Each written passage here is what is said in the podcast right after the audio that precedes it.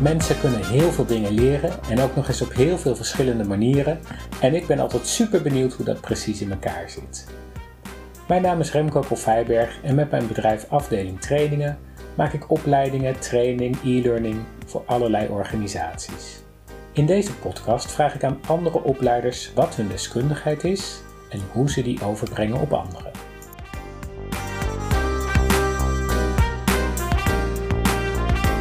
In Hartje Amsterdam staat een prachtig gebouw boordevol iMacs waar je kan leren programmeren. Gratis. Iedereen die de toelatingstest haalt mag er komen studeren. Ook of juist als je geen vooropleiding hebt. Het bijzondere is dat de school geen docenten kent, geen lesrooster, geen colleges, maar wel een internationaal ontwikkeld curriculum. Hoe zit die opleiding in elkaar? Ik praat erover met Roos Peters, adjunct-directeur van CODAM. Mijn vraag is: wat kun je leren zonder docenten?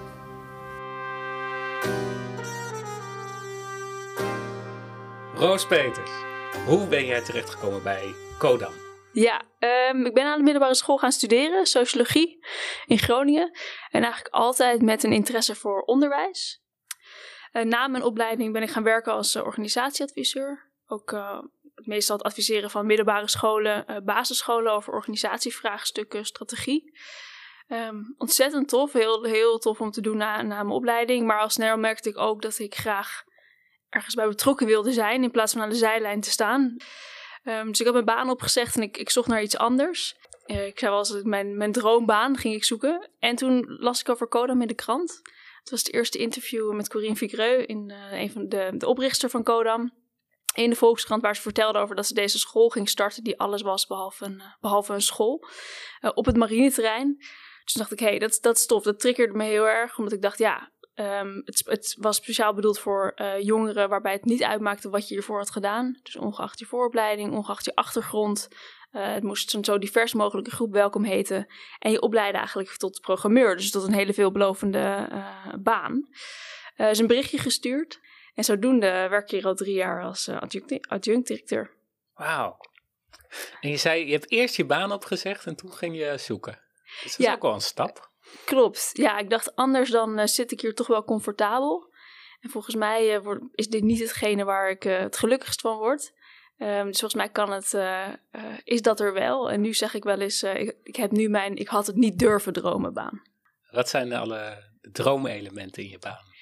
Nadat je echt met elkaar, hebben, met elkaar bouwt aan iets, aan iets, iets nieuws. En waarmee je ook heel duidelijk ziet dat we een groep jongeren echt iets kunnen bieden wat hiervoor niet was. Dus als je ziet waarmee jongeren binnenkomen en hoe ze weggaan, welke groei ze doormaken, maar ook dat ze zeggen van hé, hey, zoiets als Kodam, waarbij het echt anders is, waarbij ik echt mezelf kan zijn, waarbij ik onderwijs vorm kan geven op een manier wat bij mij past, dat was er niet.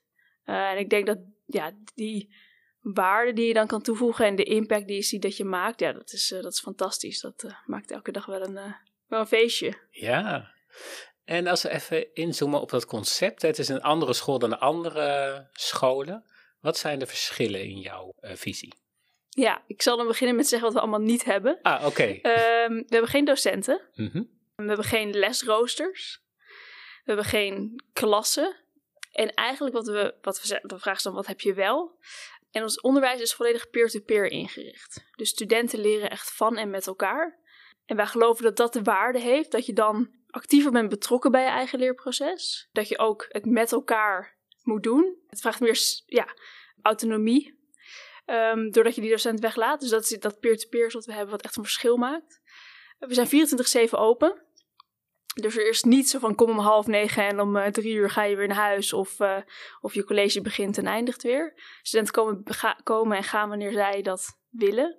En wanneer het ook bij hem past. Dus ben je een ochtendpersoon, dan kan je hier in de ochtend terecht. Maak je het liever een beetje laat uh, aan het eind van de dag, om, dan kan dat ook. Of heb je s'nachts in één keer dat je denkt: hé, hey, dit was het, is volgens mij de oplossing voor mijn vraagstuk. Dan kan je ook terecht.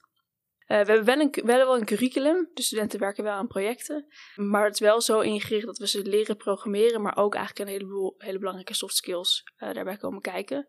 En we ze zo echt voorbereiden op ja, het werken in het leven. Uh, tot slot is een groot verschil, en dat is ook iets waar ik heel erg op aansloeg in het begin, is dat we anders kijken naar toelating. Dus in het onderwijs is het heel veel zo, nou, je hebt een bepaalde vooropleiding nodig.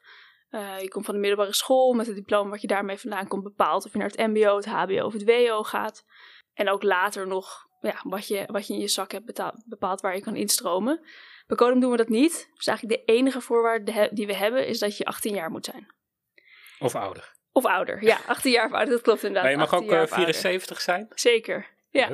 De gemiddelde leeftijd is ongeveer 26. Dus je zal toch zien, het is een voltijdsopleiding. Uh, je moet er wel tijd eh, voor hebben en ruimte voor hebben. Uh, maar we kijken eigenlijk, ben je 18 jaar of ouder? En vervolgens in een selectie kijken we, kan je het niveau aan, past het onderwijs bij je? En op basis daarvan word je toegelaten. Dus iedereen die de selectie haalt, die wordt toegelaten, moet ik het zo zien? Klopt, ja. En hoeveel mensen passen er in jullie gebouw? Dit gebouw waar we nu zitten in Amsterdam kunnen we tot 400, 450 studenten uh, hebben. We hebben er nu 280. Dus we hebben nog wat ruimte om te groeien. Ja. Uh, maar na de zomer zullen er weer 100 starten uh, uit de selecties. Dus, ja, dus dan is langzamerhand. Want jullie zijn begonnen in 2018, geloof ik, hè? Ja, de, eer, ja, de eerste selecties zijn begonnen in Nu zijn de eerste uitstromers, vermoed ik dan? Of? Ja, ja, het curriculum duurt uh, twee tot vier jaar. het is flexibel, dus je doorloopt op je eigen tempo. En we zien nu dat we de eerste studenten hebben die het eerste deel van het curriculum hebben afgerond. Dus de eerste twee jaar. En dan ofwel doorgaan voor het advanced curriculum. Ofwel ja, een mooie baan aangeboden krijgen en een carrière starten. Ja, als je naar het curriculum kijkt, het is niet begeleid, nou, niet begeleid door docenten in de traditionele zin. Hè, dus je krijgt geen college bijvoorbeeld. Hoe is de opbouw van dat curriculum? Ja, het curriculum is opgebouwd uit projecten. Uh, wanneer, een student start, dan uh, start je bij het eerste project. En eigenlijk werk je als een soort van route door dat curriculum heen. Wanneer je een project afrondt, krijg je toegang tot een volgend project. Krijg je toegang tot een volgend project. En er zitten een aantal examens in. Het is zo dat studenten uh, dat doorlopen ze op eigen tempo. Dus wanneer een project is afgerond, dan kunnen ze naar de volgende. Sommigen doen dat binnen een paar weken, anderen hebben daar iets langer de tijd voor nodig. De projecten zijn vormgegeven door Codam. Uh, dat betekent dat wij ja, de leerdoelen vaststellen. Uh, wat moet de student leren? Wanneer is het, uh, heeft hij de kennis vergaard? En de vaardigheden. Dat project dienen ze in en dan wordt het nagekeken door medestudenten. Dus wij geven wel het project vorm, maar doen de, de, het nakijken vindt weer plaats door medestudenten. Dan worden ze gekoppeld aan tenminste vijf random andere studenten. Uh, en dan ga je samen achter de computer zitten om te kijken van oké, wat voor hoe heb je je code geschreven? Uh, dat bespreek je. Je moet het uit kunnen leggen. Dat is een van de principes die we zeggen. Oké, als je het niet uit kan leggen, dan begrijp je het niet. De antwoordschaal is dan wel weer door code aangereikt. Dus op die manier zorgen we wel dat kwaliteit behouden wordt. Dat er naar de juiste dingen wordt gekeken. En in het begin toetsen we ook werkcheckprogramma. Dan uh, krijg je geen errors, doet het het gewoon, doet het wat het moet doen. Ja. Uh, en we stellen een aantal normeisen. Dus het mag niet te lang zijn. Het uh, moet aan een aantal dingen voldoen om te zorgen dat studenten goede code leren schrijven. Dus het, het, ontwikkelen van die projecten, dat is eigenlijk de belangrijkste bijdrage vanuit jullie. Hè? Dus de opdrachtformulering, zou ik maar zeggen. Ja, hoe kom je aan al die projecten? Het is nogal wat, lijkt me, als je twee of vier jaar een curriculum wil opbouwen. Ja, nou, dat doen we gelukkig ook niet alleen. Uh, we zijn onderdeel van het 42-netwerk. Um, ehm, dat is een wereldwijd netwerk aan, uh, aan uh, programmeeropleidingen. ooit begonnen in Parijs in 2013. een Parijs ondernemer heeft het daar opgezet. Die, die zag eigenlijk twee dingen. Enerzijds zag hij dat hij werkt voor een telecombedrijf dat er enorm veel een enorm tekort is aan talent. Dus dat, dat het bedrijf heeft enorme moeite met het vinden van, van de werknemers. Eh, en anderzijds zag je in Parijs dat er ook heel veel jongeren waren die in het onderwijs niet tot hun recht kwamen. Die uitvielen, die op de straat kwamen, die iets anders gingen doen. En eigenlijk niet in de opleidingen tot programmeur kwamen. Dat waren toch selecte, selecte groepen. Toen je die twee dingen bij elkaar gaan brengen. Dus toen is hij een, eh, een gratis opleiding gestart, Carante Deux, eh, in Parijs. Heeft eigenlijk een aantal mensen uit de klassieke computer science opleidingen getrokken en gezegd: hey, ga, ga dit met mij opzetten. En we gaan het helemaal anders doen. Dus zowel gratis, maar ook zonder docenten. Uh, helemaal peer-to-peer en zonder vooropleidingseisen. Daar is toen het curriculum ontworpen. Toen Codem opende waren we de zevende school in het netwerk. Uh, ondertussen zijn er 33 vestigingen wereldwijd. Oh. En eigenlijk zie je dat al die 33 vestigingen dragen bij aan de doorontwikkeling van het curriculum. Uh, zorg dat het up-to-date blijft, dat de projecten waardevol blijven. En op die manier hebben we met elkaar eigenlijk een mooie, mooi curriculum. Ja, Dus je gebruikt eigenlijk, laten we zeggen, het is bijna een franchise. Er is al heel veel ontwikkeld en samen bouw je dan verder steeds het volgende, volgende stapje. als je dan inzoomen op zo'n opdracht, hè, kan je iets vertellen over de eisen of de vorm? Of hoe, hoe denken jullie bij het samenstellen van zo'n opdracht? Van waarom is een opdracht goed? Ehm, iedereen kan binnenkomen bij Codams. Iedereen kan deelnemen aan de selectie. Of je, ongeacht of je ervaring hebt, uh, eerder als uh, hobbyprogrammeur thuis achter je computer hebt gezeten. Dus we houden de instapeis zo laag mogelijk. Uh, op de eerste dag dat, studenten, kan zijn dan nog kandidaten binnenkomen, uh, gaan ze gelijk aan de slag met de programmeertaal taal C. Dat, daar is ook ons hele curriculum op gebouwd. Mensen vragen wel eens C, moet je niet uh, hippere varianten doen als Python of Java? Um, want C is eigenlijk een hele ouderwetse taal. En staat ook wel bekend als een low-level language. Um, dat betekent niet een laag niveau, maar dat betekent wel dat het heel dicht bij de computer zit. Dus het is hardware. Een, ja, precies. Het is een taal waar veel andere talen op voort zijn gebouwd. we beginnen met C en helemaal bij het begin. Dus iedereen geven we de mogelijkheid om dat dat te leren. Dat gaat wel een rap tempo, dus je moet het wel bij kunnen houden. Uh, in de selectie gaan we bijvoorbeeld al gelijk aan de slag uh, met memory. Dus hoe, hoe onthoud je computer je bestanden en je, hoe werkt het geheugen. Maar we nemen mensen daar stap voor stap in mee. En eigenlijk het belangrijkste waarom we C gebruiken en waarom we het op deze manier doen, is omdat we studenten willen leren om te leren. Eigenlijk is dat het belangrijkste concept. De technologie gaat zo snel dat we kunnen nu, je kan nu een taal aanleren, maar over een aantal jaar is die taal achterhaald, zijn er allerlei nieuwe talen, allerlei nieuwe technologieën. En om dat bij te kunnen benen is het eigenlijk het belangrijkste dat je in staat bent om steeds nieuwe dingen te leren. Om nieuwe vraagstukken en problemen die op je afkomen, om daar niet bang voor te zijn.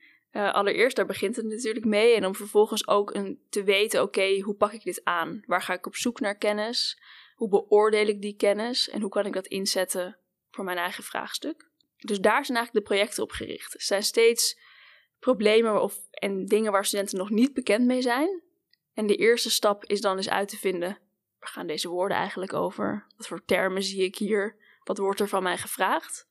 Om zo'n vermogen, een hele belangrijke, tegenwoordig ook een hele belangrijke in het, uh, wanneer je uitschot naar de arbeidsmarkt. Dat zit zo verweven in, omdat elk, elk project is een, is, is een probleem waar ze het antwoord nog niet op, weten. En hoe ga je daar dan mee aan de slag? Wat voor, hoe, hoe kom je tot die kennis? Wie, wie moet je vragen? Um, hoe kan je daar samen aan werken met anderen? Online is natuurlijk een hele hoop beschikbaar, maar ook wel weer zoveel dat je dat ook moet kunnen filteren uh, en moet kunnen inzetten voor je eigen probleem. Dus we, ik zeg wel eens, we, we onderwijzen niet probleemoplossend vermogen, zo expliciet, maar impliciet zijn studenten daar dus continu mee bezig. Uh, hetzelfde geldt voor um, communicatievaardigheden, die ontzettend belangrijk zijn. We hebben geen vak communicatievaardigheden. Maar als jij een project start uh, in het curriculum, je komt er niet. Het is zo gedaan dat je komt er niet als je zelf in je eentje achter je computer blijft en blijft zoeken. Dan vind je niet het antwoord op het vraagstuk. Dus je moet naar je medestudenten, je moet rond gaan vragen: hey, hoe kijk jij ernaar? Hoe heb jij dit gelezen? Uh, welke strategie heb je toegepast? Um, en dat moet je niet bij één student, maar je moet het eigenlijk bij een aantal mensen rondvragen, want iedereen kijkt er ook weer anders naar.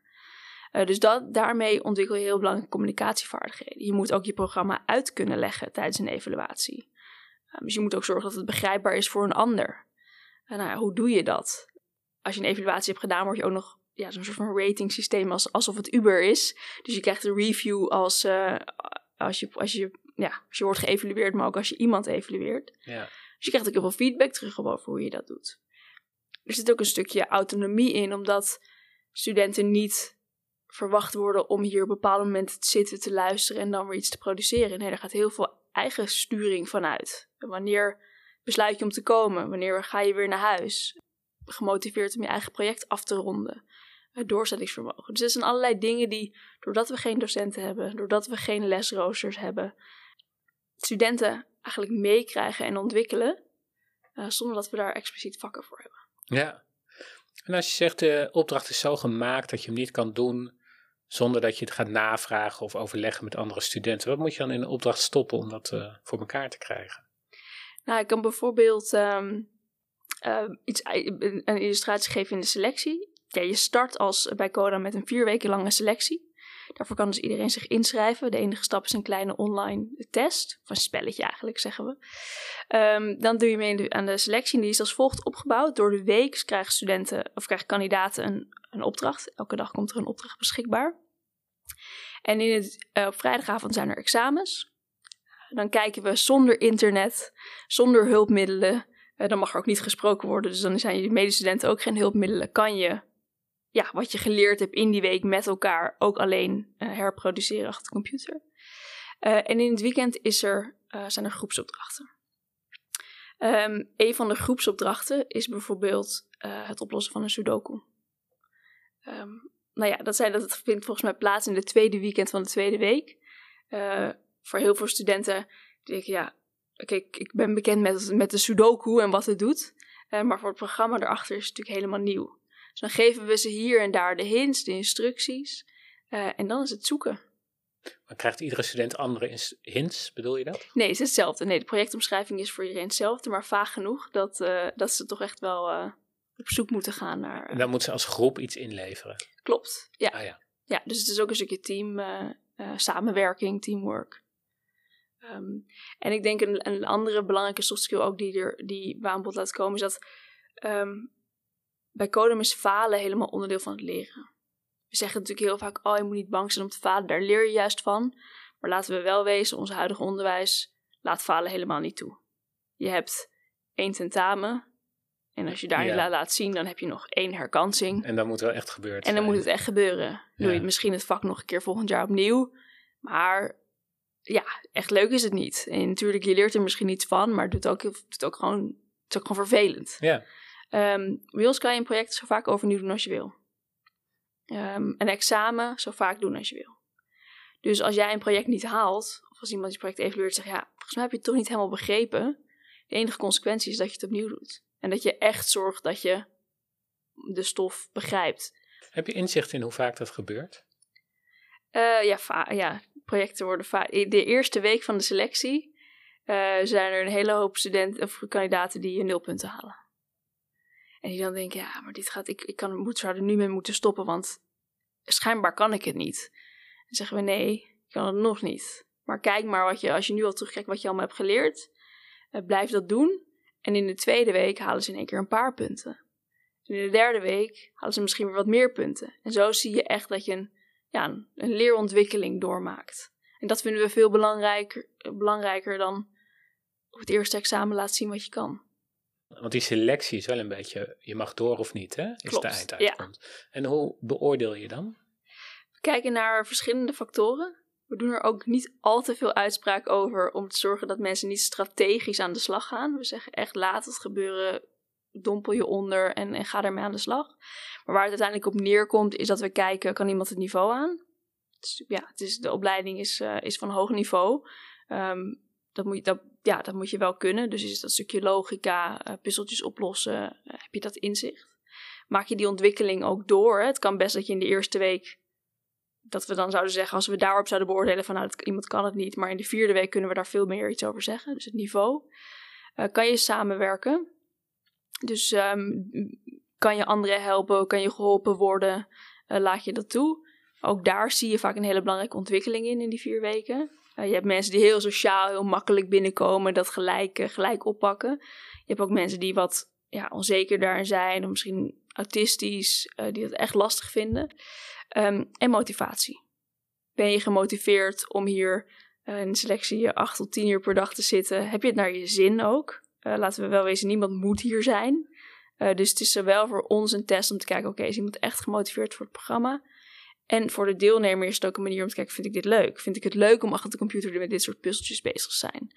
Um, dus op die manier is het ook voor beide kanten, ja, te kijken, past het? Nou, het is best wel een zware selectiemethode als je zegt, we gaan een maand aan de slag, alle weekenden door, tien uur per dag hier zijn. Ik denk wel dat je, ja, als je geen motivatie hebt, dat je er makkelijk uitvalt, toch? Ja, en, en je mag uitstappen op ieder moment. Ja. Dus als jij zegt na een paar dagen, ja, deze manier van leren is toch niet, is niet waar ik naar op zoek ben of past niet bij mij kan je er ook gewoon mee stoppen. Ja, als je dan kijkt naar de rest van de opleiding, hoe zit het dan met mensen die stoppen? Ja, het voordeel is natuurlijk dat je, omdat je zo'n strikte selectie hebt, je echt een groep mensen hebt die en gemotiveerd zijn. en ook weet dat het iets voor hen is. Dus in, de eerste, in het eerste jaar ligt de uitval nog ongeveer op 10%. dat heeft ja, soms persoonlijke redenen. sommige mensen komen er toch achter dat toch aan de opleiding het zelf niet helemaal is. Maar die uitval is relatief laag. En we zien wel dat sommige mensen ook gewoon een baan vinden. Dus eigenlijk met een half jaar opleiding. Uh, tevreden. Tevreden en, uh, en verlaten. ja, en een, een, een, werkgever vinden en denken die, uh, die heeft al een aantal vaardigheden en de rest doe ik bij de werkgever. Ja, is dat, is dat erg? Ja, uiteindelijk leiden we mensen op voor een baan, daarvoor zijn we hier. Ja. Nou, dan denk ik het niet. Nee, ja. we zouden graag willen dat iedereen het afmaakt natuurlijk. Maar ja, in principe mag je opstoppen op ieder moment dat jou ja. schikt. Als je denkt aan programmeren, want jullie zijn echt helemaal op programmeren. Hè? Je zegt van, daar zit eigenlijk in dat zelfstandig werken, zelf problemen analyseren, je samenwerking zit erin. Nou, wat maakt iemand een goede programmeur? Oeh, ehm, er is niet één goede programmeur. Maar wat we wel weer proberen te doen bij Codem is ook juist te laten zien dat er allerlei soorten zijn. Dus bijvoorbeeld ehm, creativiteit. Het is niet iets wat mensen heel snel linken aan programmeren. Eh, maar eigenlijk wat je doet, is je iets bouwen, iets ontwikkelen. Iets creëren. Iets creëren. Ja. Um, dus wat we, dat doen we heel erg in, in de wijze waarop we ons naar buiten brengen, is dat het heel erg gaat over, oké, ook over die, over die creatieve kant. Um, uh, we spreken hier, proberen hier heel expliciet ook vrouwen aan te spreken. Uh, op dit moment hebben we in de, opleiding, in de selecties 40% uh, dames.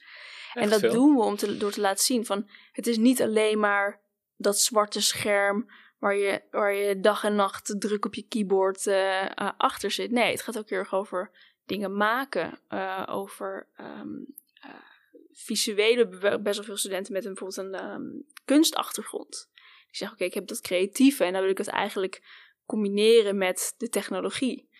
Dus op die manier denk ik dat er niet één programmeur is, uh, en dat is juist ook het mooie. En, ik denk, en, het, dat zou meer laten zien moeten worden.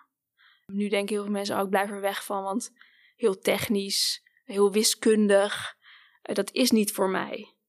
Terwijl het, het, gaat over logica wel. En het gaat over problemen oplossen, puzzeltjes, creatief nadenken over, over wat zijn mogelijkheden. En dan opent zich in één keer een wereld en denken mensen, hé, hey, oh, misschien is dat dan toch ook iets voor mij. Ja. Dus de, de Codam alumni, degene die er vanaf, van, vanaf komt, dat is ook niet één type. Dat is, een, dat is iemand die een uh, bachelor kunst heeft gestudeerd, programmeren en als kunstenaar aan de slag gaat. Maar dat is ook een, uh, iemand die net van de middelbare school komt, al dan niet met of zonder diploma, die wel bij een gaming-industrie aan de slag gaat. Dat is iemand met een financiën-achtergrond die zegt: Oké, wacht eventjes, als ik die uh, als ik dit kan combineren met, met, mijn, met mijn achtergrond in financiën, dan kan ik bij Deloitte aan de slag. Zo, zo zijn er allerlei, allerlei profielen die hier van de, van de opleiding afkomen. Ja, en zijn jullie in die zin tevreden over de instroom? Want je zei in het begin van uh, het is een beetje opgericht, toch ook een soort ideeel van ik zie mensen op straat lopen die eigenlijk op school uh, zouden kunnen zitten. Heb je daar, ja, ben je daar tevreden over of meten jullie dat? Ja, ja, de, ehm, we doen dus heel hard ons best om uh, tot gelijke groepen man-vrouw te komen. Dus 50-50. Uh, we begonnen, het eerste jaar was het uh, eh, 18%, op dit moment is het 40%. Dat is echt veel, dat gaat niet vanzelf. Maar dat gaat wel over laten zien wat het ook allemaal is. En juist ook een hele vrouwvriendelijke omgeving aan te bieden, waar iedereen zich heel welkom voelt. Daar zijn we dus, ja, zou ik zeggen, redelijk, slagen we redelijk goed in. Dat maakt ook echt verschil. Dat verschil voel je nu ook. Um, daarnaast vinden we het belangrijk om veel jongeren aan te spreken zonder startkwalificatie. Dus voor wie juist ja, een, een, opleiding computer science nu niet toegankelijk is, omdat ze niet over de juiste vooropleiding beschikken. En eigenlijk moeten beginnen in het MBO, MBO en dat is veelal onder niveau. Of ja, dan verdwijnen ze in zo'n enorme MBO-instelling. Dat, dat past dan minder. Uh, dus we hebben op dit moment een derde van onze studenten heeft geen startkwalificatie. Uh, en voor hen kan je echt een verschil maken, want uh, ja, arbeidsmarktperspectief is, is, uh, is, verbetert enorm na, na de opleiding hier. Um, en tegelijkertijd hebben we mensen met een, met een afgeronde bachelor of, of HBO-instelling, of HBO. Um, die gewoon wit en man. Oh, wit en man, ja, die zijn er ook. die mogen er ook ja, zijn. Ja, Ehm, maar juist, en dat is mijn sociologie-achtergrond ook, die combinatie van mensen die elkaar in het dagelijks leven niet ontmoeten. Eh, ja, dat zijn toch clusters in de samenleving die, die, die, die elkaar niet tegenkomen. Die komen elkaar hier wel tegen. En dat, dat is zo waardevol, daar leer je zoveel van. Uh, en omdat je ook nog echt zo met elkaar leert en op elkaar bent aangewezen, krijg je de ene hobbyprogrammeur die, die iemand iets uitlegt die nog nooit een stukje code heeft gezien. Um, maar ook iemand die misschien een, um, een, uh, een, een master wiskunde heeft. Uh, ja, die, die moet toch samenwerken met, met uh, studenten zonder startkwalificatie. En die leren allebei van elkaar. Dus dat is echt niet, gaat echt niet één kant op. Ik had nog een detailvraag over die examens. Uh, gingen we het even over hebben. Want je zei, die zijn zonder internet. Klopt. En ik neem aan dat je daar ook iets moet programmeren. Klopt. Ja. Kan je daar iets meer over vertellen hoe zo'n examen eruit ziet? Ja, dus bijvoorbeeld ze leren um, een bepaalde functie te schrijven. Daar gaat het, gaat de, de, de, um, de, project over. Bij Codem is het zo, je mag nooit code uh, gebruiken die je niet zelf geschreven hebt. Oh, dat maakt het wel een stuk moeilijker. Ja, en dat is ook wel studenten die dan komen van een, uh, een opleiding uh, informatica voor bijvoorbeeld. Die zeggen, ja, maar ik kan dit stukje code toch gewoon hier vandaan plukken en ik begrijp heus wel hoe het werkt. Nee, nee, nee. Je moet al je functies zelf schrijven. Oké. Okay. Um, nou, dan doe je dat in projecten natuurlijk gewoon met alle hulpmiddelen die er zijn. Maar in het examen moet je eigenlijk diezelfde functie schrijven zonder, zonder die hulpmiddelen. Dus moet je uit je hoofd kennen? Ja. En dan is het niet een kwestie van Nee, dat kan je doen, precies bedenken waar stond het punt, komma en hoe, hoe zat het in elkaar. Maar je moet in staat zijn om, uh, ja, om die functie te, te schrijven tijdens het examen. Ja, omdat ik herken in ieder geval dat als je iets schrijft, dan denk je, oh, ze was er nou met een haakje hier of een haakje daar, maar dan moet je allemaal weten in ieder ja. geval. Ja. Oh. Je, het is echt wel een praktische opleiding. Je bent echt bezig met het schrijven van die code. Het is niet, je leert er niet over. Je leert, nee. het, je, leert, je leert het echt door te doen. En dat is denk ik een groot verschil ook al hoe Codem zich onderscheidt van uh, andere opleidingen, waarbij het. Um, uh, ik had bijvoorbeeld nu een kandidaat in deze selectie die studeerde kunstmatige intelligentie, uh, een bachelor op de, op de UVA. En die zei: Ja, ik kan er heel goed over praten. Maar eigenlijk kan ik niet zo heel veel code schrijven. Nee. En als ik een examen, een tentamen deed, dan moest ik op een papiertje Oh ja. het missende stukje van een bepaalde lijn in, in schrijven. Ja, ja, ja. Dat is natuurlijk heel anders dan dat je echt echt achter de computer zit met je handen op het keyboard. Um, we bieden weinig theorie aan in zekere zin. Er zijn geen theorievakken. Dat kan je doen in je eigen tijd door een boek te lezen of je daarin te verdiepen. En hier gaat het echt over, oké, okay, schrijf het programma maar. Ja. Als je dit nou zou vertalen naar andere opleidingen, zou het dan ook werken? We zouden dat graag zien. Ik zou wel het zou heel nieuwsgierig ernaar zijn.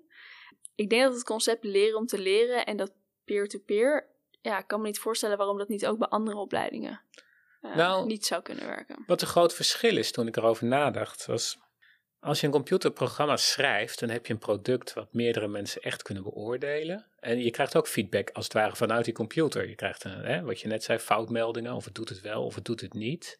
Dus het product zelf is goed, ja, is feedback in zichzelf. En anders is er goed feedback op te geven. Maar stel je voor dat je huisarts uh, wil worden en je zou het zo vormgeven, hoe moet je, ja, hoe, waar moet je dan beginnen? Ja, ja, ik snap die overweging. Aan de andere kant denk ik ook, ook bij programmeren is er geen, is er niet één antwoord. Mm -hmm. Dus uiteindelijk, als je verschillende werken van studenten zal vergelijken, zal je zien dat iedereen net anders is. Het gaat niet over, oké, ken je precies, um, heb je precies deze kennis? Of als ik kijk naar mijn eigen opleiding natuurlijk als uh, sociologie, ja, dat is misschien vloeibaarder dan programmeren. Maar ook daar, uiteindelijk gaat het om bepaalde vaardigheden die je leert.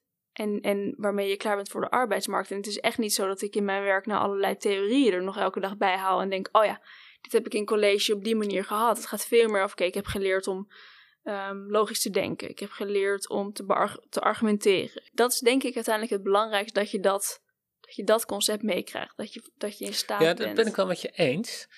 En ik geloof dus dat het bij programmeren uitzonderlijk goed kan, omdat het programmaatje zo goed te beoordelen is. Door zichzelf en door anderen. En je kan het uitleggen wat jij zegt. Maar zou dat nou ook kunnen bij bijvoorbeeld sociologie? Kun je daar ook iets maken de hele tijd waar je feedback op krijgt? Ja, ik, ja ik, ik ben wel nieuwsgierig. We, we, we, richten ons hier natuurlijk echt op programmeren. Dus, ehm, maar dat concept van, van dat je samen met je medestudenten echt leert... en dat je de rol van docent bijvoorbeeld weghaalt... Ja. Dat soort dingen... Ja, ik denk wel dat die heel veel waarde Nou, dat gebeurt natuurlijk ook wel her en der. Je hebt het probleemoplossend onderwijs, allemaal varianten van. Daar zitten veel elementen in die denk ik goed werken. En ik denk dat je hier heel veel gemak hebt van je selectie. Omdat je zegt, nou ben je niet gemotiveerd, dan hè, blijf lekker thuis. Het hoeft niet van ons. Ja, en absoluut. daar heb je natuurlijk al zo'n mooie groep studenten bij elkaar die met z'n allen iets willen. En ook nog slim zijn, want je hebt ze die maand lang ja. lopen bestoken met allemaal moeilijke puzzels. Dus je hebt al een heel goed leerklimaat van zichzelf, zou je kunnen zeggen. Ja, en dat maakt echt een groot verschil. We, we, hebben hier bewerken met ehm, acht stafleden hier. Het team is acht man groot. We hebben nu 280 studenten. Nou, ook als we er 400 hebben, hebben we niet heel veel meer mensen nodig. Omdat je natuurlijk geen docenten hebt. En eigenlijk het enige waar je als team mee bezig bent, is om de condities voor het leren te creëren. Dus om het curriculum, te zorgen dat er een curriculum is. Maar ook dat ehm, de, de community bij Codam goed in elkaar steekt. Dus dat mensen elkaar willen helpen. Dat het veilig is. Dat, het, mensen zich er prettig voelen. Ehm, en dat dat heeft zoveel, dat heeft zoveel waarde ehm, voor, voor persoonlijke ontwikkeling, voor, voor veiligheid, voor durven om te falen. Hoe doe je dat? Om heel, door heel strikt te zijn. Oh. We zijn in het begin in de selectie heel streng. Um, dus wat mag wel, wat mag niet. Uh, ja, qua, is wat? Um, nou ja, gaat respectvol met elkaar om.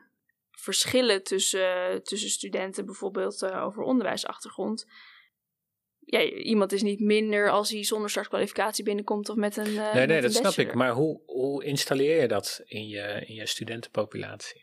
Ja, we zijn er dus in de eerste, de eerste dag van de selectie uh, hebben we een presentatie waarin we dat heel expliciet zeggen. Oké, dit, dit, is, dit is de waarde die we hier hebben. Uh, hier word je geacht aan, aan, aan te houden, te respecteren. En vervolgens hebben we tijdens de selectie uh, studentassistenten rondlopen. Het, het CATS-team noemen we die. En die zien daar eigenlijk op toe.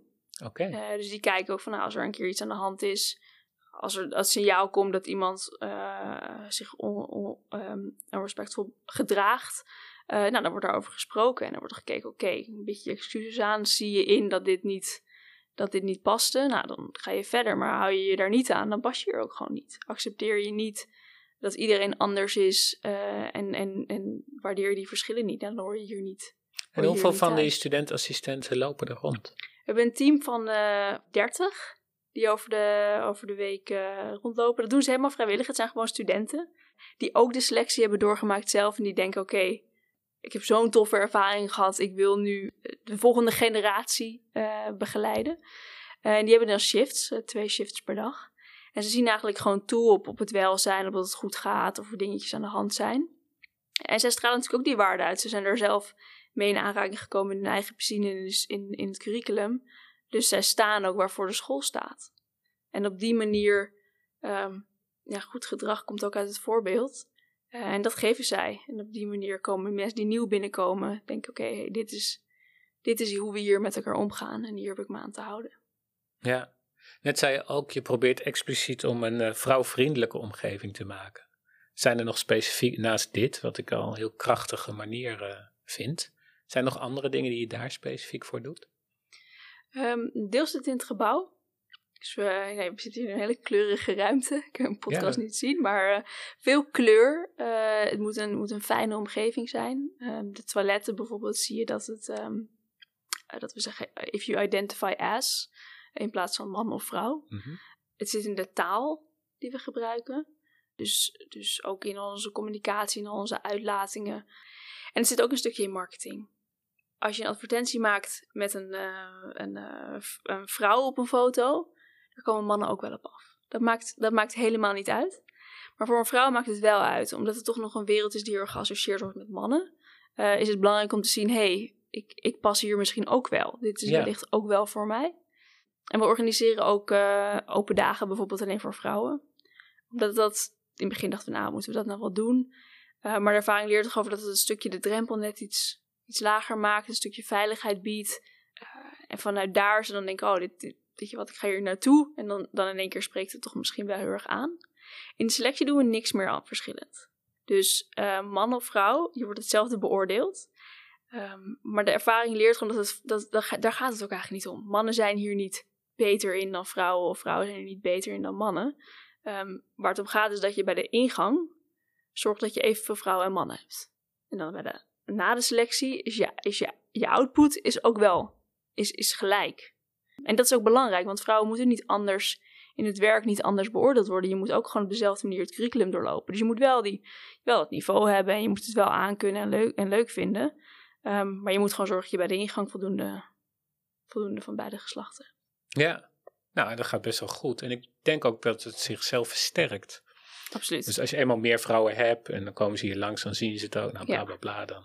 Herkennen ze zich daarin. Ja, ja. dat is mooi.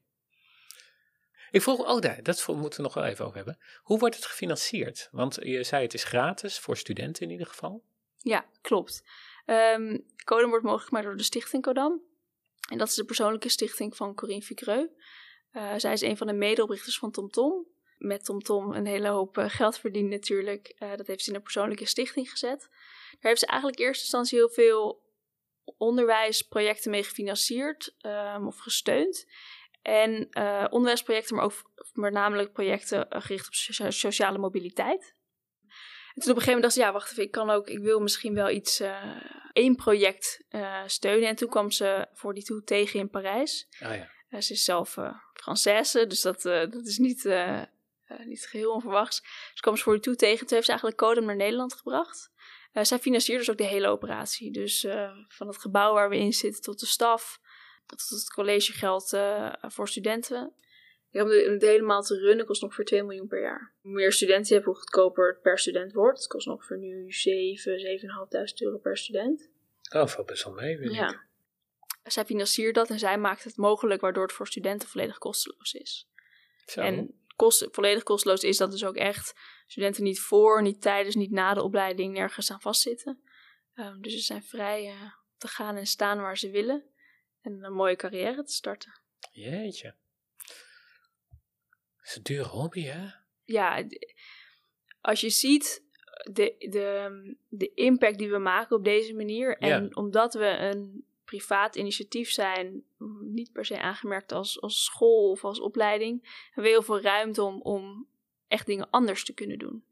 En we geloven wel heel erg dat de overheid een, een rol hierin heeft we helpen veel jongeren aan een, aan, een, aan een veelbelovende toekomst. Maar als student zijn niet erkend als student op dit moment. Dus het is natuurlijk gewoon een voltijdse oh, opleiding. Ze krijgen geen um, studiefinanciering. Ze krijgen geen studiefinanciering, geen reisproduct. Dus daarvan zeggen we wel echt, ja, overheid, kijk wat we, kijk wat we hier doen. Ja. Uh, en neem ook je aandeel. Dus ondersteun die student. Een gratis opleiding is leuk voor studenten, maar je moet ook in je levensonderhoud kunnen voorzien. Daar verwachten we toch eigenlijk wel dat, uh, we hopen we dat uiteindelijk de overheid ziet wat we doen. Ja. En daar, uh, daar ook aan willen bijdragen. Ja. Jeetje.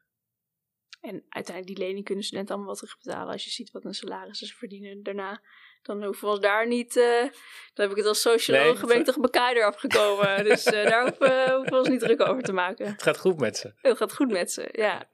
Fijn. Ja, de banen liggen voor het, echt voor het oprapen. Ja, nou, de, zo is de markt nu, hè? Ja, ja. Nou, ik geloof echt wel dat als je hier project na project zo fundamenteel ook, als je zegt je mag geen bibliotheken gebruiken en zo, ja, dan, dan rol je zo door. Ja, en wat je ziet is dat de, de feedback die we terugkrijgen van bedrijven die stages aanbieden of die studenten aannemen na de opleiding, is dat ze heel snel in staat zijn om waarde toe te voegen. Je krijgt iemand binnen die gewend is uh, een probleem zijn kant op te krijgen en daarmee aan de slag te gaan. En dat is toch een andere um, uh, mentaliteit dan een student, ook als ik naar mezelf kijk, die van de universiteit kwam. En dacht, oké, wie gaat mij nu even vertellen wat ik moet doen? En hoe dit in elkaar steekt, hoe dit werkt? Dan ga ik dan aan de slag om te reproduceren. En dat is denk ik een groot verschil. Dat studenten echt gewend zijn om aan het werk te gaan, problemen uh, op zich achter te laten komen die ze niet kennen. En hulp te vragen wanneer het nodig is. Daar ook niet, daar ook niet bang voor zijn, want dat ja, zijn ze hier ook gewend. Um, dus de studenten kunnen snel uh, voor bedrijven snel waarde toevoegen. Ja, mooi. Nou, je hebt echt uh, leuk werk, hè? Zeker, ik zei het. Ik heb een, uh, had het niet durven dromen baan. Ja. Super bedankt, Jill, voor dit interview. Dankjewel. Wil je in je bedrijf ook een training of een opleiding maken en kun je daarbij wel wat hulp gebruiken? dan kan je mij bereiken op www.afdelingtrainingen.com. De fantastische muziek die je nu nog hoort is van Kjartan Abel uit Noorwegen en het beeld dat ik gebruikte is van Natalia Y via Unsplash.